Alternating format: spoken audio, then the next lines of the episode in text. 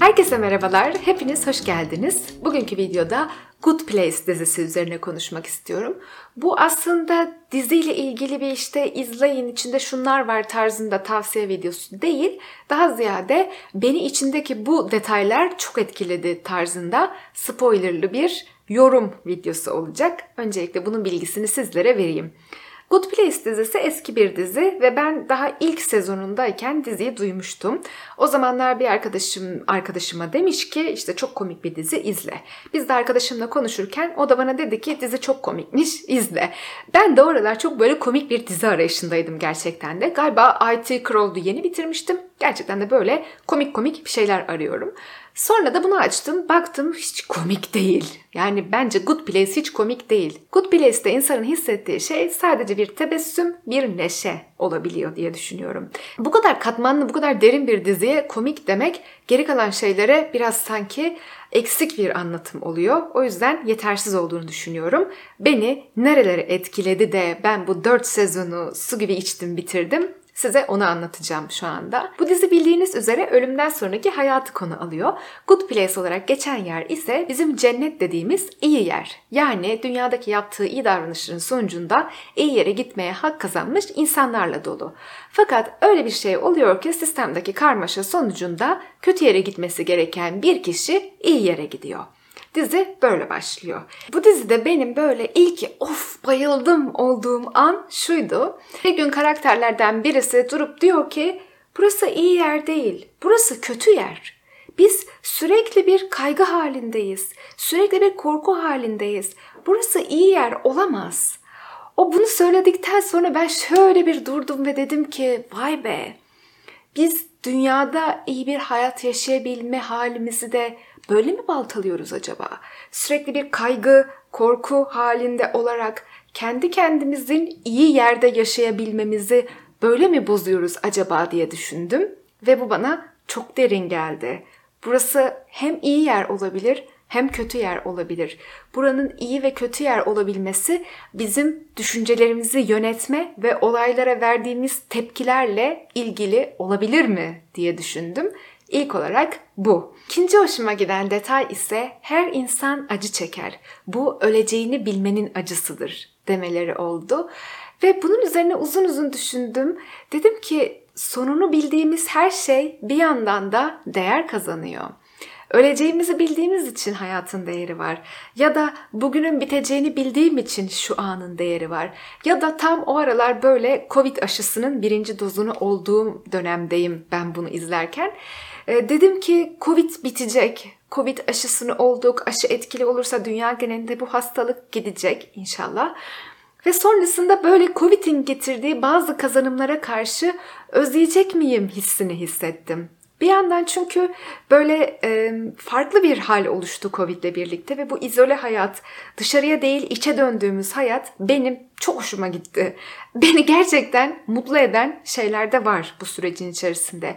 Tabii ki hastalık çok kötü. Tabii ki hastalıktan ölümler var, zor şeyler yaşanıyor. Bitmesini çok istiyorum Covid'in. Fakat bir yandan da bunun içerisinde de güzel şeyler yakaladığım bazı zamanlarda ve bunun da bitecek gidecek olması Covid'in getirdiği bu kazanımlara daha çok sahip çıkma isteğini getirdi bana. Yani her insan acı çeker ve bu öleceğini bilmenin acısıdır cümlesi hayatıma entegre ettiğim bir cümle oldu. Her an bir acımız var. Her an bir içimizde boşluk var. Ve bu boşluk ve acı hissi hepimizin içerisinde var. Çünkü hepimiz ölümlü bir hayatın içerisinde ölümsüzmüşçesine yaşam tutkusuyla yaşıyoruz. Ve öleceğimizi bildiğimiz için ona göre bir şeyler hissediyoruz. Bu karmaşa hali hepimizin hayatında var. Bu da aslında sonun olması anın değerini çoğaltıyor ve yaşadığımız anı daha doya doya, daha dolu dolu yaşama isteğini veriyor. Bu güzel bir his gibi hissettim bir yandan da. Üçüncü yakaladığım detay gene bununla bağlantılı. Bu da dizinin sonlarında artık iyi yere gidildiğinde oradaki herkesin içinde büyük bir kayıtsızlık, büyük bir cennetteyim hissinin bitmiş olduğunu gözlemliyoruz. Ve aslında insanın amaca ne kadar ihtiyacı olduğunu hissettim. Cennettesin ve artık bir amacın yok. Sonsuzluktasın. Sonsuza dek cennettesin. Ve bu iyi hissettirmemiş. Bunu görmek bana dünyadaki amaç peşinde koşan halimizin değerini hissettirdi. Yani bir hayalin varsa sıkı sıkı sarıl ona ne mutlu sana. Bu senin hayatını anlamlı kılıyor. Sen bu amacın peşindeyken bugünleri değerli hissediyorsun. Her ne kadar hepimiz o amaçlara ulaşmak, hayallerimize varmak istesek de o noktadan ziyade kıymetli olan şey bu süreç, bu yolu nasıl yürüdüğümüz. Oraya vardıktan sonra zaten bir ulaşmışlık hali ulaşacağı için ya yeni bir hedefin hayalin peşine gidiyoruz ya da o anın tadını çıkarıyoruz. Fakat bu tat da belli bir yere kadar. Yani amacı biten her insan sonsuzluğa uğurlanma isteği duyuyor. O zaman amaçlar çok değerli. Bugünümüzü değerli ve anlamlı yaşayabilmemizin yolu amaçlarımız diye düşündüm. Dördüncü hoşuma giden detay ise Janet boşluğu oldu. Janet boşluğunda sanki biraz evrene de atıfta bulunuyorlar. Janet boşluğunun içerisinde her şey var, hiçbir şey yok. Yani her şeyin enerji halinde olduğu bir form. Ve bu enerji maddeye dönüşebilmesi için bir istek olması gerekiyor. Bu istekle birlikte Janet boşluğundaki o boşluk enerjisi maddeleşiyor. Janet'tan bir şeyler istiyorlar. Janet da boşluktan onu getiriyor. Bu sanki biraz çekim yasasına da atıfta bulunuyormuş hissini verdi bana. Çekim yasasında da biz aslında o enerjinin bir maddeye dönüşmüş halini istiyoruz. Ve kuantum fiziğinde de gözlemci bakış açısına göre maddenin yeri gözlemcinin bakışıyla değişebilir. Bu biraz bunu hissettirdi. Sanki gözlemci onu isterse o oluşuyor, gözlemci bakmazsa değişiyor gibi. Derin bir şey bence Janet boşluğu. Bunu düşündükçe daha farklı anlamlar da bulabilirim gibi hissettim. Beşinci olarak sevdiğim detay ise bunu e, geçen Yoga Sutralar 1'i okurken fark ettim. Bu dizide reenkarnasyona atıfta bulunulmuş. Tekrar tekrar dünyaya gelerek o kişinin ideal insan olabilmesi, kendi özüne ulaşabilmesi, iyi insan, ahlaklı insan olabilmesi süreci sanki anlatılmış. Çünkü tekrar yaratıyor, tekrar sınava tabi oluyorlar ve her seferinde gittikçe o kişiler daha iyi bir insan olma sürecini yaratabildiler kendilerinde. Bu da biraz reenkarnasyonla uyumu var. Bir yandan da e, Groundhog Day diye bir film vardı. O filmde de tekrar tekrar aynı günü yaşayan kişinin en sonunda o günü nasıl mükemmele çevirdiğini anlatıyordu.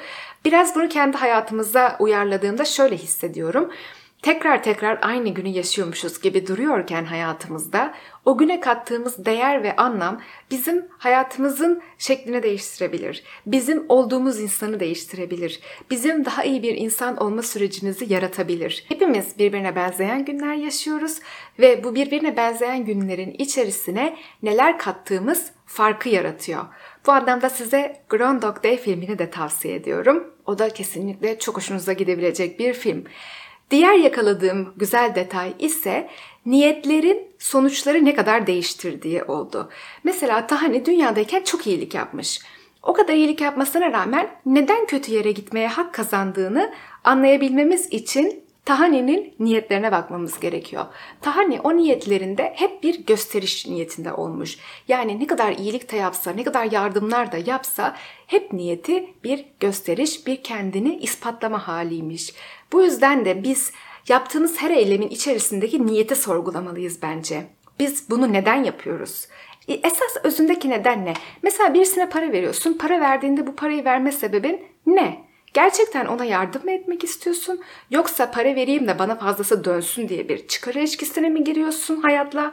Yahut da ben buna para vereyim de zorda olursam birileri de bana para versin diye böyle bir yatırım gibi mi görüyorsun? Bakış açısı çok büyük önemli. O yüzden ne kadar kalpten, ne kadar gönülden, ne kadar niyetimiz temiz bir şekilde bir şeyleri yaptığımız da bence çok önemli.